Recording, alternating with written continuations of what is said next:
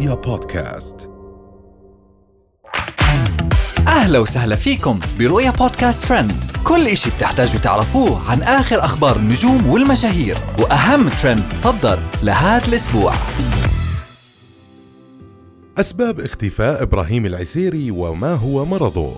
أمين يفاجئ الدكتورة خلود بفيلا وهذه تفاصيلها. هاشتاج يهودي في الحرم يتصدر الترند كيف تخفى من الجميع. وأخيرا اسم مطعم في سلطنة عمان يثير الجدل ويشجع على التعدد. أعلن الناشط السعودي عبر حسابه على تويتر تعرضه لأزمة صحية لكن لم يكشف عن تفاصيلها إلا أنه طالب الجمهور بالدعاء له لينشر بعدها مؤخرا أنه بحالة مستقرة. لكن الجمهور خمن أنه مصاب بورم في المخ والأعصاب وتداولوا الأخبار والتعليقات حيث قال أحدهم سمعت من أحد المشاهير أنه في ورم.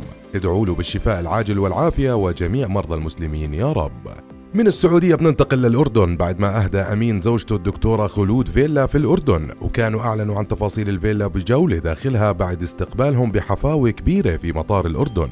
وأقاموا احتفالات في الليلة نفسها اللي وصلوا فيها للمملكة في الفيلا الكائنة بمنطقة بدر في الأردن اللي تمتعت بإطلالة مميزة وتصميم فاخر. ومن الأردن وأخبار المشاهير بننتقل لأخبار الترند بعد ما تصدر هاشتاج يهودي في الحرم.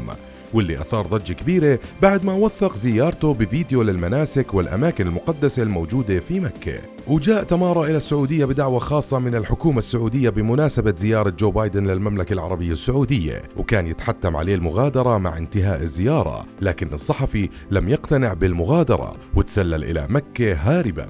من أجل البحث عن قصة يبثها عبر شاشة التلفزيون اللي بيعمل لحسابه. وأثار الفيديو الغضب في الشارع السعودي وطالب مواطنون بفصل الصحفي من عمله وتغريم القناة اللي ساعدته على فعل ذلك.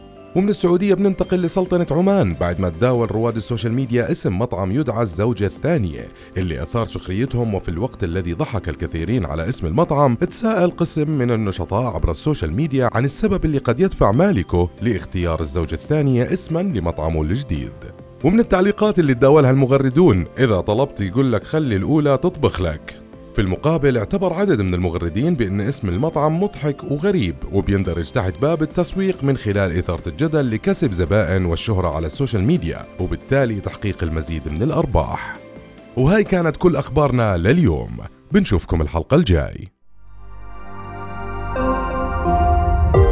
رؤيا بودكاست.